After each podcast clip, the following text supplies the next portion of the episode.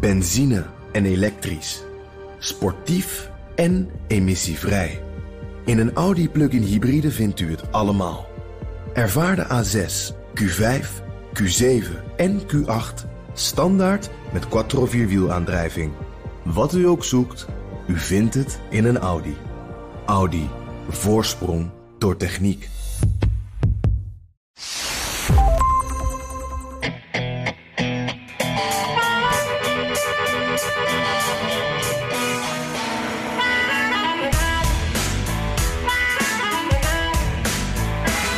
Visumstop gooit Trump Amerika verder op slot. Is de rechtsgang nog wel afhankelijk? En I stand before you today to declare the silent majority is stronger than ever before. de campagne is weer in volle hevigheid bezig. Dit is aflevering 30 van de Amerika-podcast, een jubileum. Mijn, naam is, mijn naam is Bernard Hammelburg en ik sta in de podcaststudio in Amsterdam. Ja, en ik kom al even niet inhouden. Eh, Jan Posma op mijn vaste plek aan de keukentafel in eh, Washington DC natuurlijk. En eh, ja, als ik het zo niet met je eens ben, Bernard, dan ga ik even dit doen. Dat kondig ik alvast even aan. En we leggen zo uit waarom. Ja, op maar. Bernard, ja. ja. Ja. jij mag zo weer naar New York, Ja, hè? ja, ja, ik ga dinsdag ijs, weder en het virus dienende, zal ik maar zeggen. Ehm, maar ik ga eindelijk naar huis. Eh, en dat wordt de hoogste tijd, want ik heb daar heel veel te doen. En bovendien, je weet, we hebben daar onze familie, ons gezin. Ja. En, die, en die zitten ook te springen om, eh, ja, om het, gewoon om contact. Want het loopt tot nu toe alleen maar via die, die vervelende videoverbindingen. Daar kan ik helemaal niet meer tegen. Jij wel? Nee, ik heb hetzelfde. Het is, eh, het is fijn dat het er is natuurlijk. Maar eh, op een bepaald moment is dat niet meer genoeg. En dan wil je gewoon even mensen echt zien natuurlijk. Ja. En eh, nou, ik kan me ook wel voorstellen dat jij New York enorm... Ge, ge- je hebt je familie natuurlijk enorm gemist. Maar ook dat je New York wel echt gemist hebt. Want het komt niet vaak voor dat jij daar zo lang niet bent. Nee. Wat, wat heb je nou het meest gemist? Nou ja, god, ik, kijk, ik, ik, ik woon zoals je weet in de Upper West Side. Dat is een heel leuk gedeelte van ehm, Manhattan. Ehm, waar heel veel collega-journalisten wonen. Mensen uit de film- en muziekindustrie, artiesten. Het is traditioneel altijd een beetje een hippe buurt. Eh, Maar er wonen ook tegenwoordig heel veel Wall Street-types en advocaten. En ook heel veel autochtone, ouderwetse New Yorkers. Van alle achtergronden, rassen, kleuren en godsdiensten. Heel veel zwart, heel veel moslim, heel veel joods. Eh, en dat, dat zit er allemaal door elkaar. Dus het is wat dat betreft een echte mooie, interessante buurt. En zeker in een tijd zoals nu, met al die spanningen en al het gedoe over. ehm, eh, ja, zeg maar rassenrellen en alles wat daarmee samenhangt. Dat is bij ons in de buurt allemaal gelukkig nooit zo het geval. En voor zover ik weet nu ook niet zo geweest. Hoewel ik begrijp dat wel de winkel, winkeliers al hun ramen hebben dichtgetimmerd. Want ja, je weet het nooit hè, met die plunderingen. Ja. En wat ik, Ja, hoorde, ja. wat ik hoorde, Jan, en daar verheug ik me echt op. eh, eh, New York is nog lang niet uit de lockdown, maar een paar dingen mogen, onder andere terrassen. En nu hebben ze. ehm, je kent die buurt vast wel, maar je hebt daar Columbus Avenue en Amsterdam Avenue. Die lopen Yes, parallel aan waar ik woon, hè, Broadway. Ehm, Amsterdam Avenue en Columbus Avenue hebben ze of gaan ze nu helemaal verkeersvrij maken. En dan kunnen al de restaurants die daar zitten, die kunnen hun terras over de volledige rijweg zetten. Wauw, dat zijn Ja. brede straten. De hele straat, ja precies, zie je het voor je? Dus die grote boulevards, helemaal vol met mensen die weer een biertje kunnen drinken met elkaar. Dus ja, Ja. dus ook daar verheug ik me enorm in. En ik zie mij daar al zitten met het gezin en mijn kleindochters met hun limonade. Ja. Dus, eh, dus ik verheug me daar enorm op. Oh, dat klinkt inderdaad goed. En grappig ook trouwens, want in Washington doen ze dat ook een klein beetje. eh, dat, dat ze de weg een beetje vrijmaken, maar zijn ze heel voorzichtig. En dan kijken ze dus inderdaad naar andere steden van... nou, moet je zien hoe ze het daar doen. Wij, wij kunnen ook veel verder gaan. Maar hier is het dus nog heel, heel voorzichtig doen ze dat. Maar elke straat waar ze het proberen, daar hoor je alleen maar enthousiaste reacties. Het gaat er gewoon een beetje Europees uitzien dan. Hè? Een beetje wat leven Ja. op straat. Ja. Missen we hier wel een beetje soms. Ja, ja, is ook zo. Nou ja, terwijl de cijfers, de cijfers in Amerika zijn natuurlijk ontzettend griezelig. nog steeds. Ja, dat, Maar- dat maar- is de andere kant. Maar dit is toch de methode, denk ik, ondanks alle tegenvallers. Gewoon proberen, dit net als in Nederland. Probeer het nou maar. Gebruik je verstand. Vraag mensen om wel die afstand te houden. Dat kan makkelijk. Mhm. En dan maar zien. En als het misgaat, ja, draaien we de boel weer dicht. Dat kan in New York ook gebeuren. Maar ik hoop dus dat ik in elk geval een mooie tijd heb daar. Een leuke tijd van ontwaken. Ja, mooi gezegd. Eh, terwijl jij dus eh, je koffers daarvoor aan het pakken bent, eh, kwam er ook nieuws over het stopzetten van ja, de werkvergunningen eigenlijk. En het, ook het, het verlengen van de stop op green cards. Die was er al, maar die wordt dus verlengd. Dus eigenlijk is Amerika op slot voor werkenden uit het buitenland. Grote gevolgen voor, voor, voor mensen die willen werken in de tech-industrie. Maar ook bijvoorbeeld voor CEO's van grote bedrijven. Die komen er ook niet meer in. Au pairs, het is echt heel, heel breed. Eh, gelukkig heeft het geen gevolgen voor jou. Tenminste, we gaan Nee. ervan uit dat je gewoon dat vliegtuig uit mag straks. Maar eh, jij dacht toen, ik wil weten hoe dat ook zit met dat inreisverbod voor, voor inwoners uit de Schengenlanden. Want dat, dat speelt ook nog steeds. Eh, dit komt er overheen. En, en nou, dat werd een, een wilde zoektocht. Ja, het werd een wilde zoektocht en het werd ook een beetje rellerig. Ehm, eh, dus voor BNR was het ook even heel lastig. Het is al dus gegaan, hè? Ehm, ik, ik heb een verblijfsvergunning, maar bijvoorbeeld jij eh, zit daar in Amerika op een eh, journalistenvisum. En dat is normaal tamelijk simpel aan te vragen door je baas. Ik stuur iemand als correspondent of als verslaggever naar de Verenigde Staten. Wilt u dat even in het paspoort aantekenen? En dan kun je er zo in. Dat heet, dat heet een e-visum en dat is voor information. Dus een afkorting van information. En daarop werken bijna alle journalisten uit het buitenland in de Verenigde Staten. Dus ik wilde weten hoe zit het eigenlijk met, eh, met, die, met het uitgeven van eh, e-visa omdat bijvoorbeeld BNR aan het denken is: wat gaan we met de verkiezingen doen? Gaan we misschien een presentator sturen? Of, of doen we het alleen met Hammelburg en Postma? Kan ook. Of wat dan ook. Maar in elk geval, het is een discussie. Dus wij wilden dat weten. Hè? Dus ik heb gebeld met, een, met iemand van het State Department.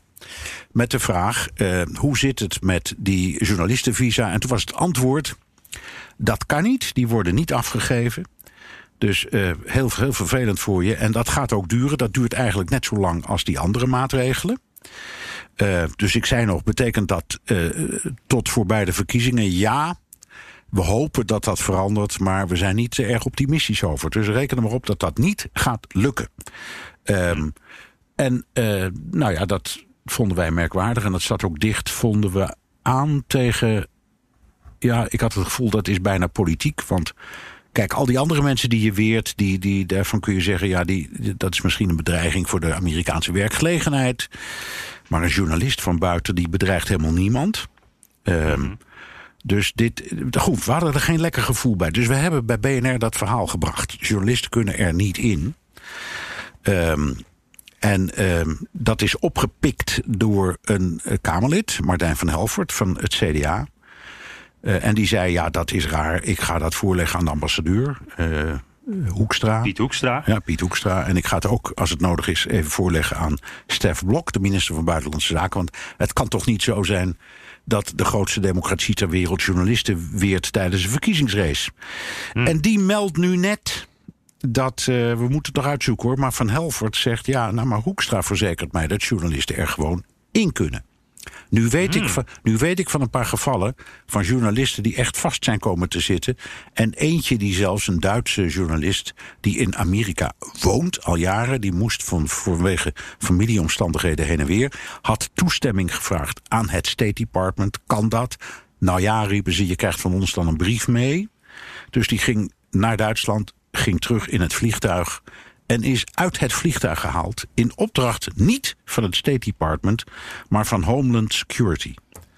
Ja. Ja, heel gruwelijk. Dus zelfde regering, maar ander loket. Eigenlijk. regering achter. eh, Oké, sorry dat ik zo lang voor je tijd neem, maar het, het zit me echt heel hoog, deze kwestie.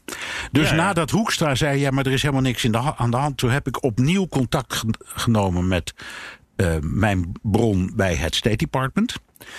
Ehm, en opnieuw de vraag gesteld: hoe zit het met journalisten? En het antwoord was opnieuw: dat kan niet. Die kunnen er niet in. En toen heb ik nog gezegd: ja, maar jullie eigen ambassadeur zegt hier dat dat wel kan. En toen was het antwoord: dat is dan niet juist. Dus ja, Ja. ehm, het is eh, een, een wonderlijk verhaal. En ik hoor nu ook van andere kanten dat er een enorme ja, loopgravenstrijd gaande is tussen het ministerie van Buitenlandse Zaken en het ministerie van Homeland Security, wat zoals je weet in allerijl is opgericht na 9-11 door, door president Bush toen. En waarvan toen al heel veel mensen, ook juristen en ook politici zeiden: weet waar je aan begint, want je creëert een instrument dat niet past in een democratie. En ik denk, voilà, wij hebben het bewijs. En, en het, was, het is ook weer, weer een instantie die ook weer moet communiceren met al die andere instanties.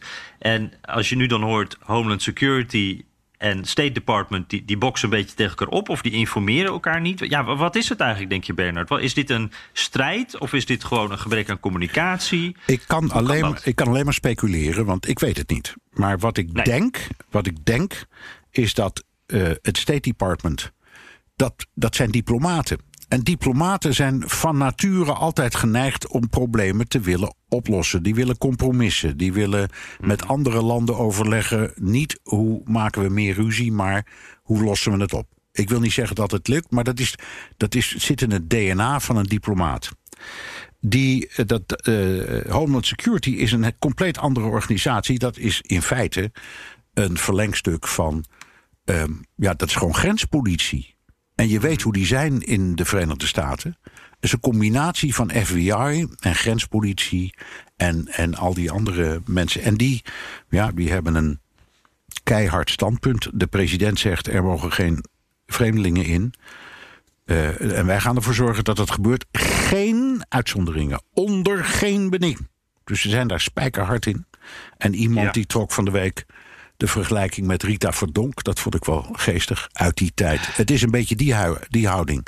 Je kunt daar niet aan beginnen, aan uitzonderingen. En eerlijk gezegd, Trump wil natuurlijk campagne voeren met de zin. Ik zorg dat er geen buitenlanders het land inkomen. En Homeland Security denkt. En wij zijn de uitvoerder van deze boodschap. Ik denk dat het zo simpel ligt.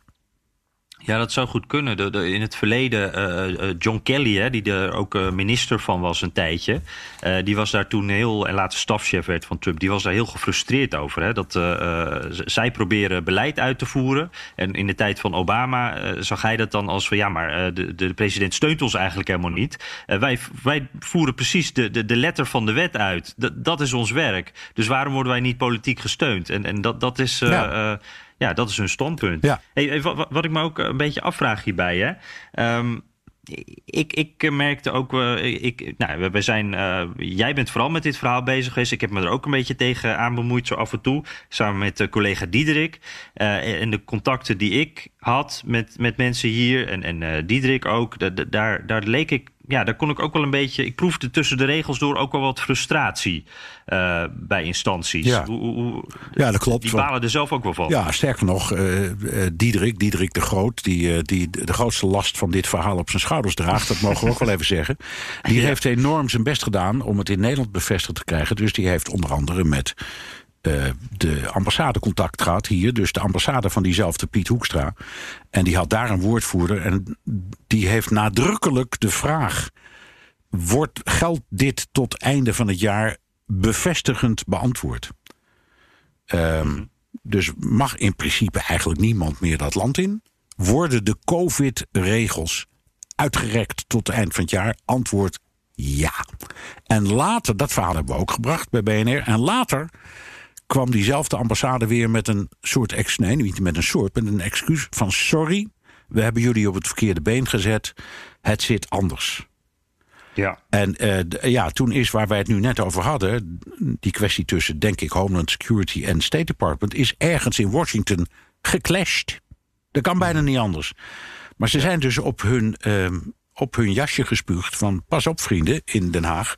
Jullie zeggen iets wat niet klopt. Vandaar dat ik nou zo benieuwd ben hoe dat nou weer zit met wat Hoekstra heeft gezegd. Maar goed, to be, ja, precies. To, to be continued, hè?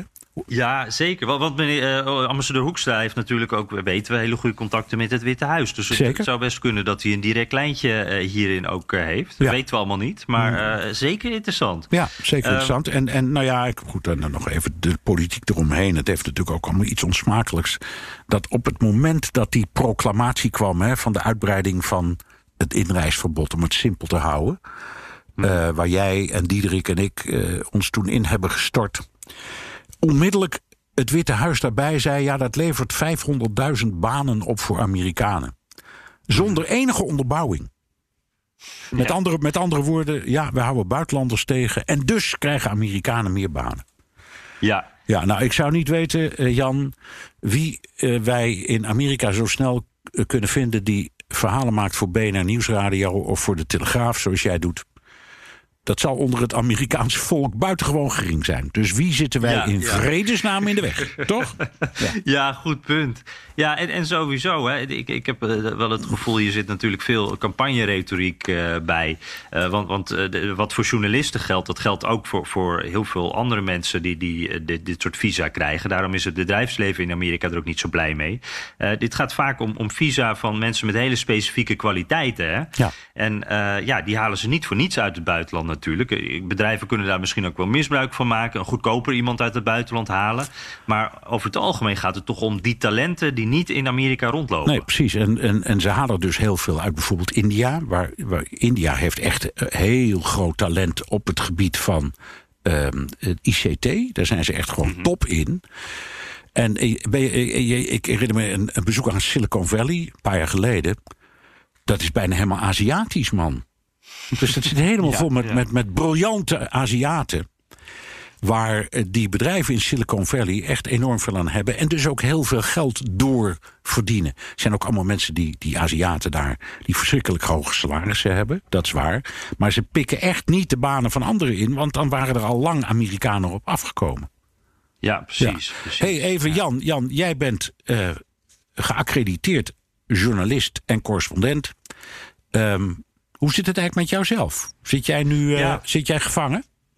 Ja, ja, een beetje wel eigenlijk. Ik, ik, daarom eh, eh, vind ik het ook dubbel interessant wat jij vertelt, wat, wat Van Helvert en wat de ambassadeur allemaal zeggen. Want ja, wat eigenlijk bij ons zo is, wij zitten hier en zolang je hier binnen zit, wij hebben zo'n e-visum waar je het over had. En zolang wij hier zitten in het land, is er niks aan de hand. Zelfs als het visum verloopt, dan is dat geen probleem. Maar op het moment dat wij naar Nederland zouden komen, dan komen we het land niet meer in op dit moment wordt ons in ieder geval verteld. Dus dat, dat is wel vervelend, want dat, was, eh, dat is al sinds eh, eh, ergens maart is dat al zo. En ja, wij- waren wel van plan toen al om naar Nederland te komen. Dat kon toen net niet meer door, door die travel ban die Tru- Trump toen al instelde. En nu zitten we eigenlijk nog steeds te wachten. Dus als je dan tot 31 december moet wachten, dat, ja, het is aan de ene kant klein persoonlijk leed, maar aan de andere kant is dat ook wel heel vervelend. En ik merk dat ook wel bij collega's, andere Europese collega's, dus bijvoorbeeld een Spaanse collega, een, een actie begonnen om het ook bij de politiek eh, onder de aandacht te brengen, bij de ambassades hier. En zo ja, proberen ze dan toch een beetje ja. wat druk te zetten om daar wat aan te veranderen. Maar voorlopig, ja, eh, Washingtons wil is wet en, en eh, wij moeten er maar in meegaan. Ja, ja nou, het is andersom ook. Hè. Voor, de, voor de volledigheid en zorgvuldigheid. Europa is gesloten, hermetisch gesloten voor Amerikanen. En er wordt Ja. nu over gediscussieerd of dat wordt verlengd en voor hoe lang. Maar Europeanen zijn nog strenger, want die maken helemaal voor niemand een uitzondering. Dus als jij eh, toevallig Amerikaans staatsburger was geweest of geworden, wat ook heel veel mensen doen, dan had jij niet meer Nederland ingekund. Dus, Ja. eh, dus het, het, het verhaal heeft wel twee kanten en we moeten wel eerlijk blijven, toch? Het is niet- Zeker, het is, niet, het is niet alleen maar die gemene Amerikanen. Nee. hey, Jan, iets heel anders. De zaak Flynn. Ehm, Over eerlijk zijn gesproken, ja. over eerlijk zijn, ja. Nou ja, eh, als er iemand weet hoe het zit met die Flynn, ben jij het, dus vertel. Ja, dat draait om die eh, voormalig nationaal eh, veiligheidsadviseur van Trump. Hè. Die, die had eh, bekend dat hij had gelogen over zijn contacten met de Russische ambassadeur. En eh, nou, er is veel gedoe op dit moment, want een, een rechter die heeft bepaald dat die zaak nu geseponeerd moet worden. Dus nog een heel klein kansje dat het toch weer terug wordt gedraaid. Maar voorlopig is die, die zaak gewoon van de baan. En eh, ja, die rechter heeft eigenlijk gezegd van de, de andere rechter die deze zaak aan het beoordelen was, die had daar de bevoegdheid niet voor. voor. er was geen reden voor een onderzoek, dus we kunnen nu gewoon stoppen. nou, Trump was natuurlijk zeer verheugd. Die, die vindt dit al langer een farce, deze zaak. Maar voor democraten is dit eigenlijk het zoveelste voorbeeld... dat vrienden van Trump worden geholpen door justitie. dit was bijvoorbeeld ook de, de rechter die het laatste oordeel velde. Dat was een rechter die door Trump is aangewezen. Nou, het, het, komt in een rijtje, want, want zaterdag werd al een prominente uh, New Yorkse aanklager ontslagen. Die deed onderzoek uh, naar ook andere vrienden van Trump, ook naar Trump zelf trouwens. Ja, maar was, over, dat was overigens ook een Trump-benoeming, hè? Ja, eh, dat, is, dat klopt. Dat klopt. Dat is absoluut waar. Ja, en dat is, uh, nou, daar komen we ook zo ook wel op. Dat maakt het ook ingewikkeld. Hè? Wanneer is nou politiek en wanneer niet? Maar deze meneer uh, Burman, uh, ja, die, die, werd vrij plotseling. ja, werd er een persbericht uitgegooid waarin gezegd werd dat hij opgestopt was. Toen zei hij zelf van nee, dat is helemaal niet zo. En toen, en ik ga ook niet weg trouwens. En toen is hij alsnog ontslagen. En zowel Barr als Trump, die willen niet zeggen dat zij erachter zitten. Dus die wijzen allebei naar elkaar. Heel raar. Maar goed, dan hebben we ook nog de zaak Roger Stone, waarbij uh, nou ja, er wat druk werd uitgeoefend om, om de straf omlaag te brengen. je hebt natuurlijk nog de rol van Barr bij het Mueller-rapport. Dus allemaal zaken die uiteindelijk goed uitpakken voor, pakken voor Trump. En waar dan ja, minister Barr en justitie een rol spelen. Ik, ik, allemaal een beetje dat je kan denken van, nou, wat is hier aan de hand? Wat vind jij de opvallendste, Bernard? Um, ik, ik, ik heb de indruk dat ik. Um, de, de, de zaak Flynn is, is natuurlijk het meest uh, op, opmerkelijk, omdat dat iemand is die bekend heeft dat hij mijnheid heeft gepleegd. Dus los ja. van de politiek zou je zeggen, ja, dat is in elk denkbaar democratisch rechtssysteem strafbaar. En dat moet dus ook worden vervolgd en bestraft. En zeker het Amerikaanse systeem, omdat een bekentenis een eind maakt aan de rechtszaak. Hè. Onder het Nederlandse rechtssysteem is het zo dat de bekentenis niet meer of minder is dan een getuigenis. Dus als je zegt ik heb iemand vermoord, dan is dat niet voldoende om je te veroordelen. Moet nog iemand anders zijn die dat kan bevestigen. Maar in Amerika wel. Dus je zegt ik heb mijn eed gepleegd, is het einde zaak. Dus daar had een veroordeling moeten komen en blijven. Um, mm-hmm. Ja, aan de andere kant, het is zo dat de federale overheid nu eenmaal aanklagers en rechters in het federale systeem voordraagt. En die worden dan benoemd door de Senaat. En de president heeft het recht, strikt genomen, de president en de president's man, dus dat geldt dan ook voor Barr, die hebben het recht tot ontslag. Alleen, ik denk dan, ja, in een democratie is de rechtbank onafhankelijk. En benoemingen kunnen niet anders dan van de overheid, regering, noem maar op, staatshoofd komen. Dat mhm. is nou eenmaal zo. Maar op het moment dat je ze neerzet, ja, dan moet je ze laten zitten. En ja. dat, dat is voor mij, ik weet, formeel is er niks aan de hand. Dus laat ik daar heel duidelijk over zijn. Er is geen wet overtreden. Het mag wat Trump en Barr doen, maar het doet mij wel erg pijn hoor. Ja, ja, want wat is dan de pijn? Want je zegt ook de regels worden gevolgd. Dus ja, nou, dat, dit is het systeem misschien. Ja, nou ja, we hebben dezelfde. Hè, we hebben hier in Nederland een enorme discussie gehad. Uh, naar aanleiding van de opmerking van Wilders. dat rechters niet te vertrouwen zijn. en dat ze hmm. allemaal D66'ers zijn. en weet ik wat. Dat heeft een enorme rel gegeven. En ook dat leidde tot de vraag. ja, maar wie draagt nou uiteindelijk rechters voor en benoemt ze? Ja, dat doet de regering. En ja, dat is dan ja. officieel een voordracht. En wij hebben hier dan de pretentie dat we dat echt compleet niet politiek doen. Maar uiteindelijk is het een voordracht. En uh, die moet ja. worden goedgekeurd en, en dan word je benoemd. Um, en in principe word je dan benoemd tot je pensioen. En vroeger was dat voor het leven. Uh, en in Amerika is het niet anders. Alleen de president kan dan op een bepaald moment wel zeggen: ik draai dat weer de nek om. Dat hoort voor je, voor je rechtsgevoel hoort dat, hoort dat niet. Ik zeg niet dat het niet mag of dat het niet kan. Maar ik denk als iemand in een rechtszaak die hem niet wel gevallig is. En die te maken heeft met wat hij vindt een heksenjacht is of was. Namelijk alles ja. wat met dat Mueller-rapport te maken had en het Rusland-onderzoek. Als je systematisch alle hoofdrolspelers via decreten en beslissingen eh, vrijlaat, ja, dan ben je politiek aan het bedrijven in de rechtszaal. En ik vind dat de splitsing van machten absoluut moet zijn. Dus ja, het, het, ja. dat zeggen, dat is de pijn. Ik vind dat echt heel pijnlijk. Ja, ja en, en da daar kan je dus een patroon in zien, uh, wat er op dit moment gebeurt. En daarnaast Trump die zoekt ook dat proces op. Hè? Met zijn tweets, met zijn aanwijzingen, met wat hij zegt. Hij politiseert dat ook. Uh, en en uh, een gevolg daarvan uh, is dat ook ja, dat het heel moeilijk begint te worden om te zien waar het nog, nog politiek is en, en waar zeg maar de rechtsgang begint en eindigt. Uh, bijvoorbeeld uh, over Michael Flynn. Hè. Je zegt van hij heeft bekend. Nou, dat klopt inderdaad. Uh, later zei hij van ja, ik ben onder druk gezet. eigenlijk was het helemaal niet een echte bekentenis. Ik trek hem weer terug. Nou, hele rare gang van zaken natuurlijk. En je ziet hier nu zo'n strijd daarover, waarbij rechts-Amerika dit zonder meer gelooft en zegt: zie je wel, Flynn, dat is een held. Die man is erbij gelapt. Tegelijkertijd zie je dan van de democratische kant mensen zeggen: ja, maar kijk eens wat, wat we hier allemaal aan. Hij heeft het gezegd. En met wat voor bewijs komen jullie eigenlijk? En het is echt een, een, ja, een soort. Uh, ja, een soort enorme mist om die zaak van, van partijdigheid, waardoor je eigenlijk helemaal niet meer kan zien wat nou de waarheid is. Nee. Echt heel ingewikkeld. Nee. Ik vind het ook een beetje Orwelliaans hoor, eerlijk gezegd. Ja, zeker. Ja, ja je, dus... je, weet niet meer wat echt is. Nee.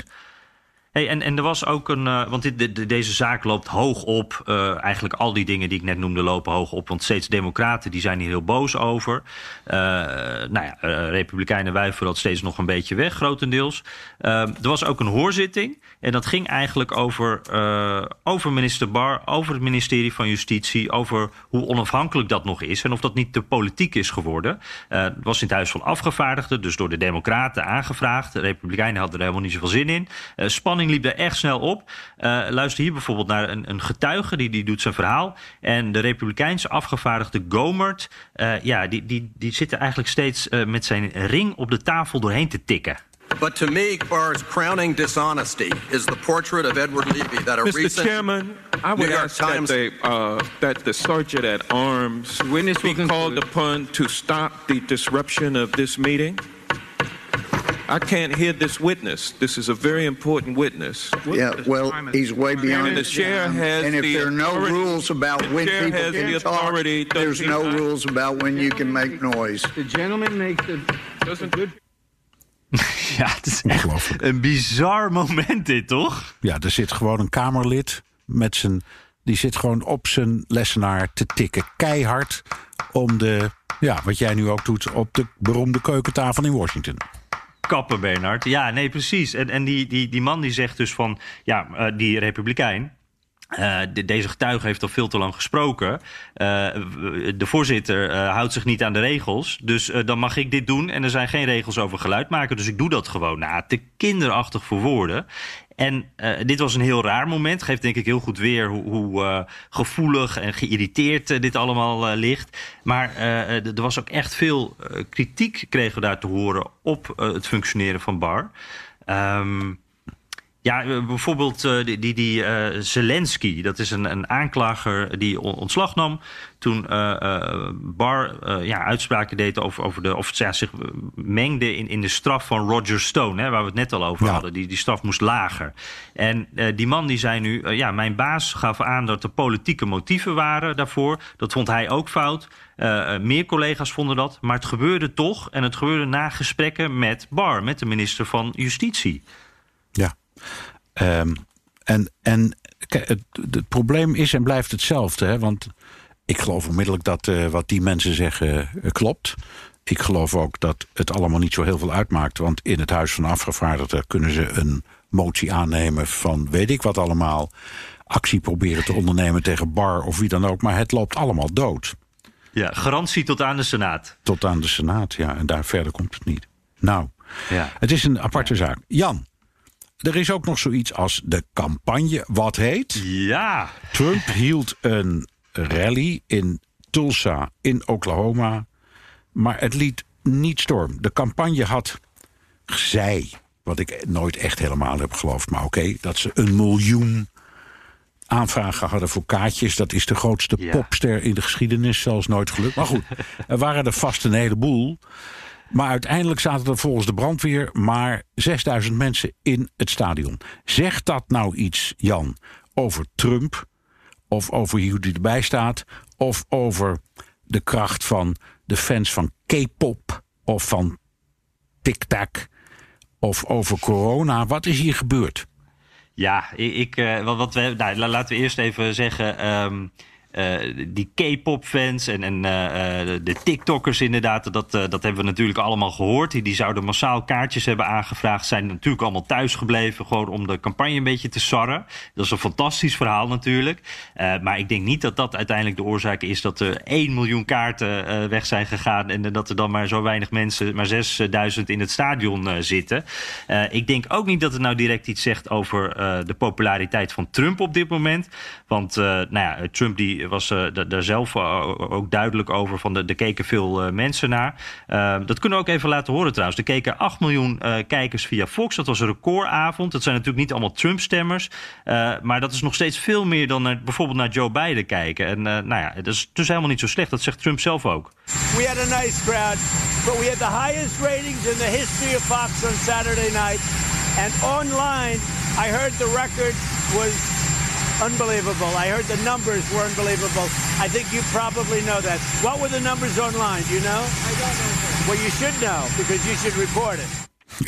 You should report it. Dat blijft mooi. Hij staat voor zo'n uh, helikopter weer hè, met draaiende motor. Maar uh, conclusie in ieder geval. Ik heb het idee, dit ligt meer aan corona. Dat er uh, maar zo weinig mensen in het stadion zaten. Want ik denk ook voor fanatieke Trump supporters. Het blijft gewoon een risico om met misschien wel 20.000 man in zo'n stadion. Want zoveel passen erin. In zo'n stadion te gaan zitten met een dak erop. veel zonder mondkapje. ik denk dat je dan wel heel overtuigd moet zijn dat corona wel ja, meevalt. Ja. dus ik denk dat dat het meer is. Ja. wat denk jij? Ik denk het ik ook. Ik sprak een, um, een vriend in Florida, die is een enorme Trumpist. En die had ook wel overwogen om erheen te gaan. En die was ook heel trots dat er zoveel mensen wilden. Dus ik zei, en ga je zelf? Zei die, nou nee, ik ben boven de 70. Ik zit echt in de risico-categorie. Uh, uh, ja. Dus ik waag het er niet op. Uh, en ik denk dat ook mensen onder de 70 vaak zo hebben gedacht: van ja, het klinkt allemaal wel mooi. Het is ook heel aantrekkelijk. Ik wil er eigenlijk dolgraag heen. Maar ik ga het er niet op wagen. En, en ja, waar we het vorige keer ook al over hadden, Jan, waarom hebben ze dit niet buiten georganiseerd? Ja, dan, dan, dan waren er echt wel 20.000 mensen opkomen dagen hoor. Dus, ja, dat dus, denk ik ook. Want, want ze wilden wel, ja. er is geen twijfel over.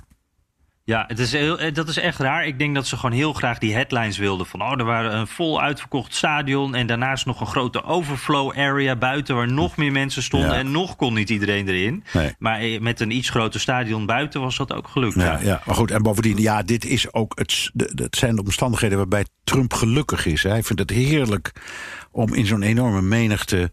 Uh, joelende, enthousiast schreeuwende uh, partijgenoten te staan. Die allemaal, dat, dat, dat, dat vindt hij geweldig. Dat is, voor hem is dat eigenlijk wat hij het liefst doet en ook probeert te doen en ook heel lang niet kon. Dus dat begrijpen we ook allemaal een beetje. Aan de andere kant, ja, het is. Je kunt als je er van buiten naar kijkt toch niet anders zeggen van dit was toch een zepert, een debakel. Ja, um, ja. Uh, toch? Uh, ja. En, en je ziet ook in de peilingen dat het beroerd gaat voor Trump.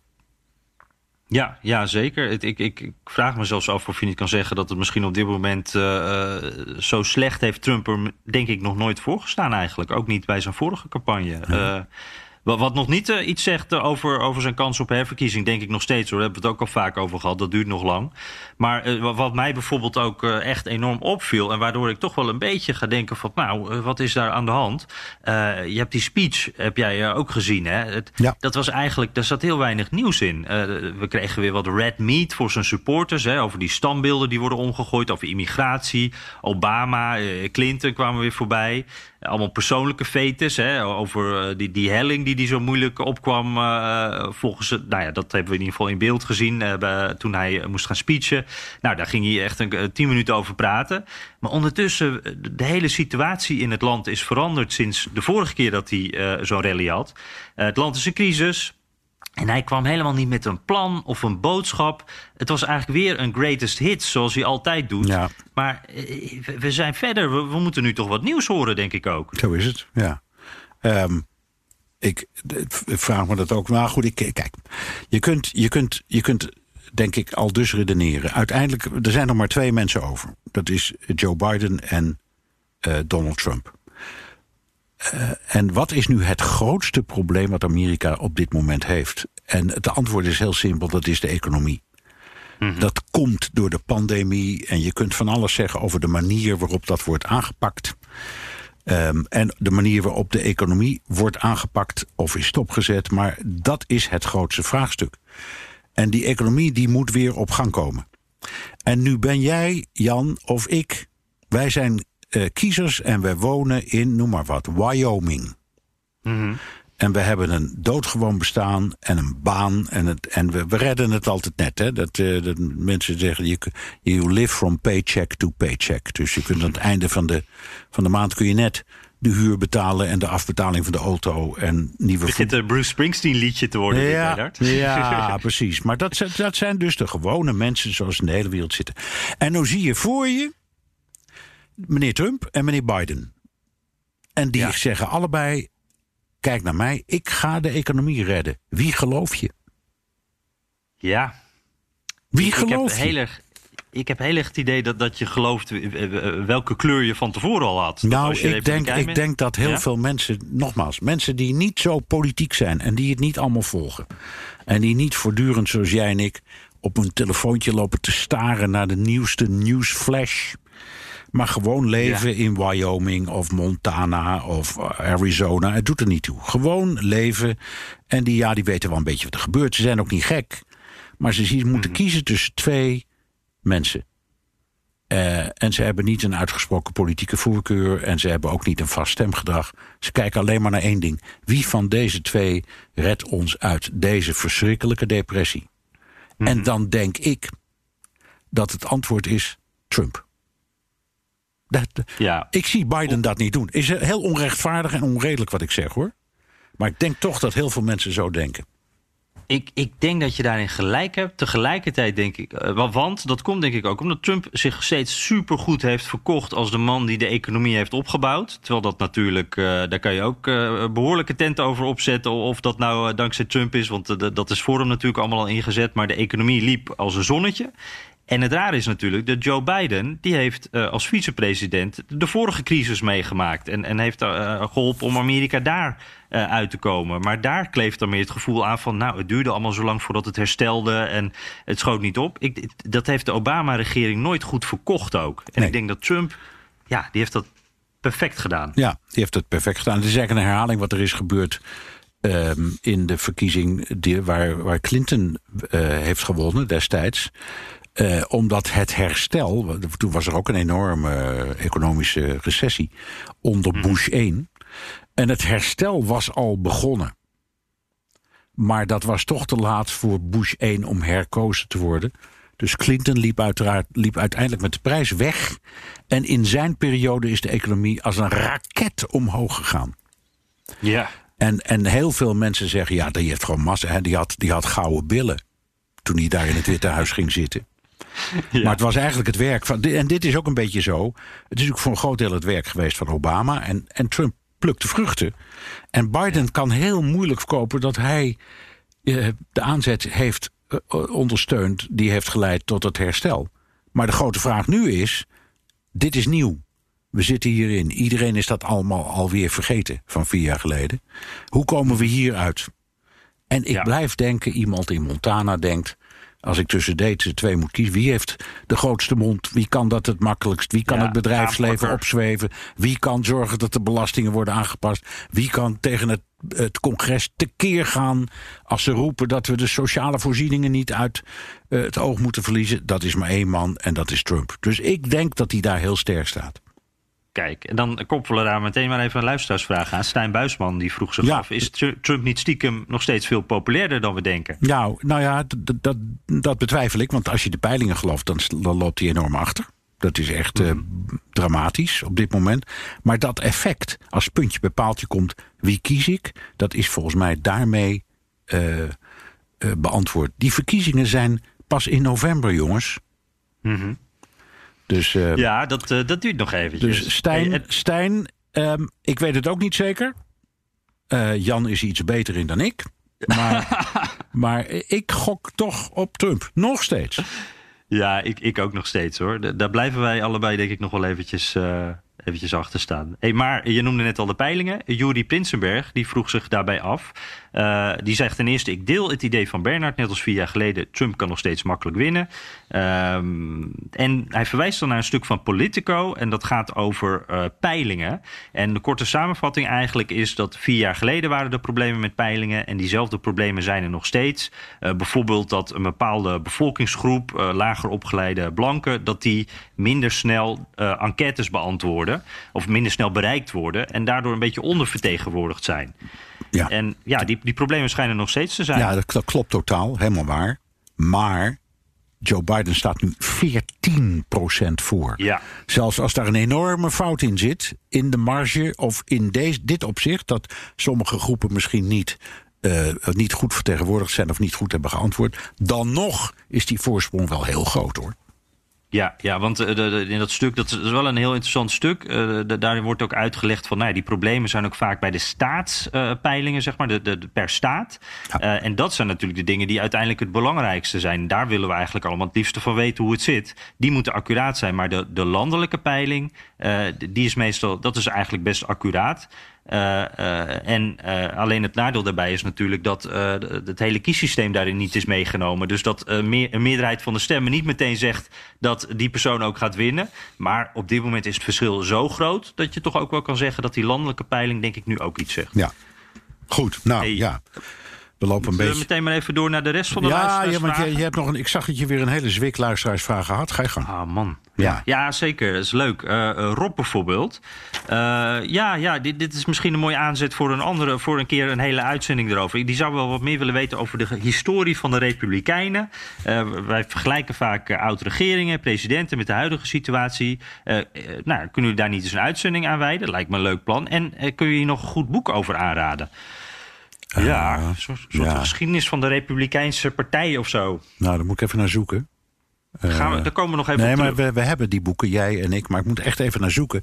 Uh, en het is interessant omdat je, je moet ongeveer, denk ik, terug naar de industriële revolutie, dus rond 1880, om te zien hoe dat van een arbeiders, een tamelijk progressieve arbeiderspartij, langzaam is veranderd. Om, vooral in de tijd van Reagan, naar een rechtse partij. Dat is ta pas tamelijk recent. Um, dus dat beeld dat is, dat is enorm veranderd. Dus dat boek moet een heel goed beeld geven, ook over de geschiedenis van die partij. De partij van Lincoln. Uh, de eerste partij die uh, zwarte soldaten had, een zwarte militie. Uh, de partij die de slavernij heeft afgeschaft. Ik bedoel, het was een hele vooruitstrevende club. En, mm -hmm. en, en na de industriële revolutie is dat allemaal veranderd. We gaan zoeken naar een titel en daar komen we op terug. Ja, zeker. Blijf luisteren, Rob. Ja, ja, zeker. De cliffhanger. Uh, Jonathan Coutinho uh, luistert uh, elke week, vaak onderweg of op de weg terug van het ziekenhuis. Daar werkt hij. leuk. Je krijgt de indruk dat de Amerikaanse samenleving steeds gepolariseerder wordt. Nou, daar hebben we het vaak over. Ehm, je vraagt je wel eens af of dat ook eens zou kunnen eindigen in een scheuring tussen staten of zelfs een nieuwe burgeroorlog. Wordt er serieus met dit scenario rekening gehouden en wordt er wel eens een vergelijking getrokken met de jaren voorafgaand aan de uitbraak van de Amerikaanse burgeroorlog? Was er toen ook zo'n polarisering in de sa samenleving? Ja, maar die ging over iets anders. Um, die ging erover dat de zuidelijke staten. Dat, wat, wat je zou zeggen, dat waren dus de staten die later democratisch zouden worden, want dat was de conservatieve partij. Die hele club, de, die, uh, die, die vond dat er was een soort Europese Unie-discussie. Eigenlijk. Dat waren allemaal mensen die zeiden: wij willen ons niet onderwerpen aan het gezag van een hoofdstad in het noorden, Washington. Hm. Het ging heel erg om. Nou, ik zeg, maak de vergelijking maar met uh, wat bijvoorbeeld het, het, Forum voor Democratie zegt over Brussel. Uh, die hadden het gevoel dat hun soevereiniteit werd aangetast. We zeggen allemaal die burgeroorlog ging over de slavernij. Dat is niet waar. Dat was een onderdeel ervan. Maar het ging vooral over de zeggenschap. En die hebt iets, een denkbeeldige lijn op de kaart. Die heet de Mason-Dixon-lijn. Die loopt net onder Washington door. Mm. En de mensen die ten zuiden daarvan wonen, vonden toen en vinden nog altijd een beetje dat dat gezag in Washington dat dat niet in overeenstemming is met wat de founding fathers destijds bedoelden. Dus het ging over soevereiniteit. Daar ging die burgeroorlog over. Het ging om het centrale gezag. Nou, en wat dat betreft, als Trump al bij een paar opstandjes naar aanleiding van uh, moord op een agent en uh, coronaproblemen bereid is om de strijdkrachten in te stellen, dan heb ik het gevoel dat hij meer noordelijk denkt dan zuidelijk. Ja, dus, ja, ja, Trump denkt grote overheid of een sterke Grote, overheid. sterke overheid. Wat helemaal niet republikeins is overigens, maar zo Nee, denkt hij. nee, dus ja, en bovendien, kijk, nu is het zo dat als je kijkt op de kaart naar conservatief, progressief, als je het zo mag noemen, dan is het meer verdeeld en is het meer de flanken die wat progressiever denken en het centrum dat wat conservatiever denkt. Burgeroorlog, nee. Nee, ja, ik heb ook eh, een hele korte toevoeging. Ik heb wel het idee dat eh, de, voor die burgeroorlog wa- waren eh, nou, er was een heel duidelijk issue. Nu lopen er eigenlijk allerlei dingetjes door elkaar waar rood en blauw ruzie over heeft, zeg maar. En ik, wat, ik, waar ik ook aan zat te denken, we hebben nu natuurlijk een hele andere situatie met die social media en hoeveel contact we allemaal onderling hebben en, en hoe hele kleine dingetjes ook heel groot kunnen worden. En wat een ongelooflijk verschil is dat met de tijd vlak voor de burgeroorlog, waarin natuurlijk alles met paard en wagen ging. Dat, eh, Ook, ook dat is waar. Maar, Maar goed, dat het, even valt, terzijde. het valt niet te ontkennen dat dit wel een hele erg gepolariseerde samenleving is. Dus even terug naar het uitgangspunt van Jonathan. Daar heeft hij helemaal gelijk in. Ja, ja, dat zeker. Eh, Lenny Pike dan nog. Eh, Bolton zegt in zijn boek dat Trump een stuitend gebrek aan kennis heeft. Naar wie, of sorry, wie fluistert hem dan al, de al dan niet terechte kritiek op de WHO en de, in- het internationaal strafhof in? Ehm, Ja. ja, de- Dat- er zijn een paar Trump-fluisteraars als het ware is. Hè? En Bolton beschrijft ook ik hoe kan, ik kan Trump herinneren dat er, dat er iemand een boek heeft geschreven. Dat heette De Trump-fluisteraars. is. Ja, ja, ja. Nee, Jan, dat was jouw boek. Dus jij weet hoe het daar... Hoe werkt dat? Nou ja, het, het- is eh, eigenlijk, dat is heel grappig ook, want Bolton beschrijft eigenlijk precies het proces wa- wat eh, aan het begin van het presidentschap ook al het geval was. Dat is echt niet veranderd. Dat, dat Trump vaak door de persoon die het laatste spreekt, dat hij daardoor beïnvloed wordt. En eh, van het begin heb je bijvoorbeeld een Jared Kushner, hè, die schoonzoon, die, die zat er toen al, die zit er nog steeds. Een van de weinige mensen die dat zo lang volhoudt. Maar je hebt ook een tijdje gehad dat de generaals, Mattis en, en McMaster, dat soort types die invloed hadden. Eh, maar de laatste tijd van, van die fluisteraars, ja, eh, Trump gaat steeds meer zijn eigen gang. Hij krijgt natuurlijk wel binnen, eh, dingen binnen van zijn staf. Er zijn echt wel experts die daar rondlopen, maar Trump maakt zelf die selectie wat nou belangrijk Ja. is en wat niet en wat blijft hangen. En Fox News is daarin ook een blijvende factor. Dus dat, daar haalt hij het ook vandaan. Die voedt hem, ja. En het is, het is wat je noemt cherrypicking. Hè? Hij haalt er Ja. eruit wat hem zelf aanspreekt. En hij pakt steeds de thema's waarvan hij denkt... dat is een evergreen, die kan ik blijven herhalen. En dat doet hij ook. Zoals, zoals eh, kwaad spreken over China. En, en voortdurend ook weer gisteren in die persconferentie vannacht... plotseling weer die muur met Mexico, waar dat nou weer vandaan kwam. Terwijl hij een persconferentie geeft met de Poolse premier of president, komt er plotseling ehm, het, het verhaal over die muur. Denk, man, waar ben je nou weer mee bezig? Maar dat is typisch Trump. Ja. ja. Ja, precies. Dat zit dan in zijn hoofd. Hij is de laatste ook weer geweest om zijn handtekening te zetten bij een, een nieuw stukje muur. Dus dan moet hij dat even kwijt. Ja. Denk je, kunnen we er nog eentje doen? Ja, we Of, doen nog één. Doen nog één. Ja, ja, ja. Deze kwam eh, vandaag binnen, geloof ik. Hè? Even kijken. Ehm trouwe luisteraar voor jullie podcast. Luister graag met mijn hoofdtelefoon op tijdens het schoonmaken of als ik naar de supermarkt eh, ga. Dus op dit moment of achter een winkelwagentje of achter de stofzuiger. Jim Driessen is dat uit Delft. Even kijken. Nou, twee vragen. Ik kies de eerste. Het is vaak gezegd dat Donald Trump na zijn verkiezing in 2016 non-stop campagne is blijven voeren. Veel meer dan we normaal gewend zijn van een gekozen president. Mocht Trump in november worden herkozen, dan begint hij aan zijn laatste termijn als president. En heeft hij in principe minder reden om actief door te gaan eh, met die campagne. Denken jullie dat Trump hierdoor zijn stijl als president zal veranderen? Wat een fantastische vraag vind ik dit.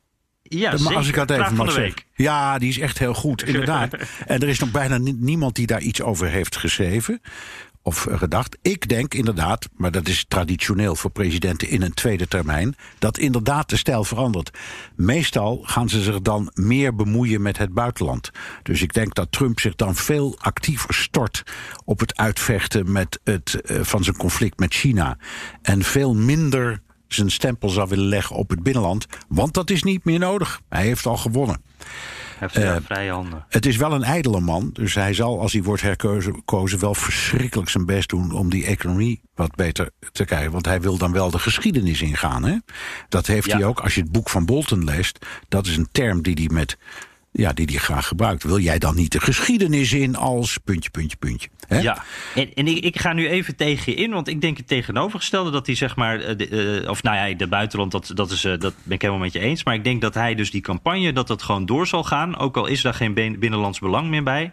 Maar ik denk dat hij dus, als hij herkozen wordt de komende vier jaar constant aan de man gaat brengen hoe hij die economie er weer op, bovenop heeft gekregen, hoe hij het land gered heeft.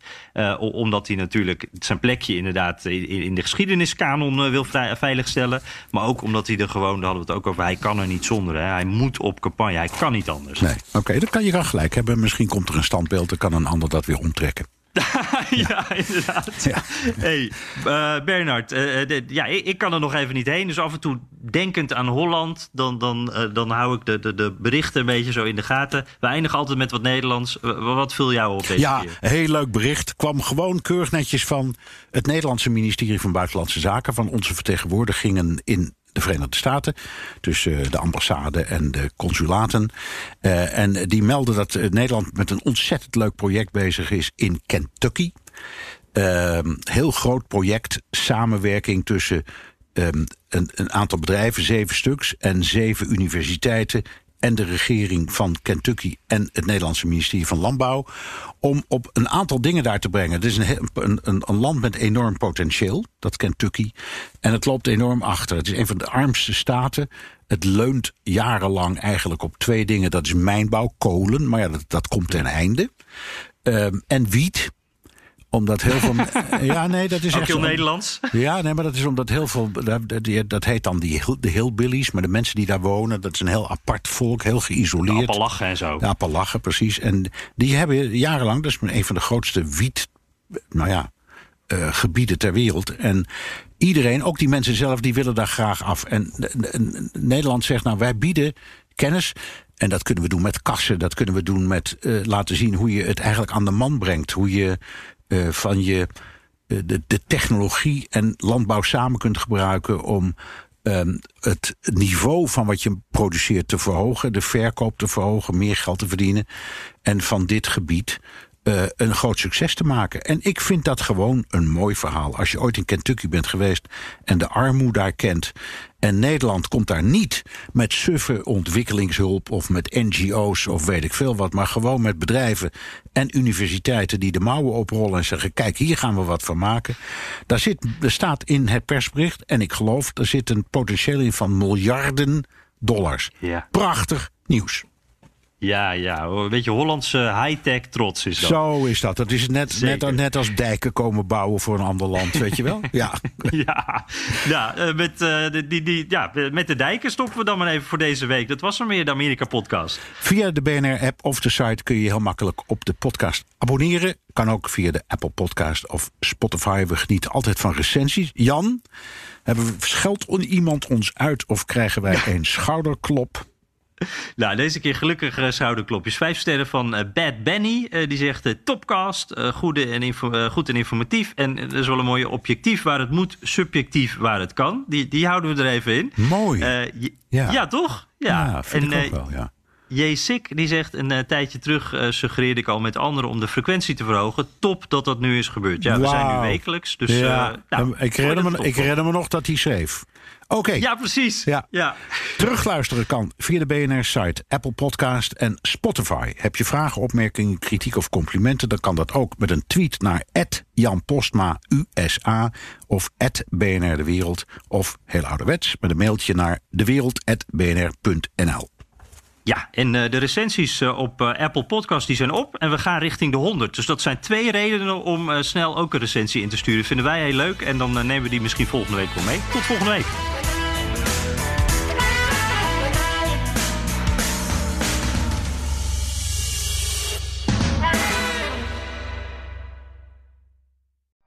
Benzine en elektrisch. Sportief en emissievrij. In een Audi plug-in hybride vindt u het allemaal. Ervaar de A6, Q5, Q7 en Q8 standaard met quattro vierwielaandrijving. Wat u ook zoekt, u vindt het in een Audi. Audi. Voorsprong door techniek.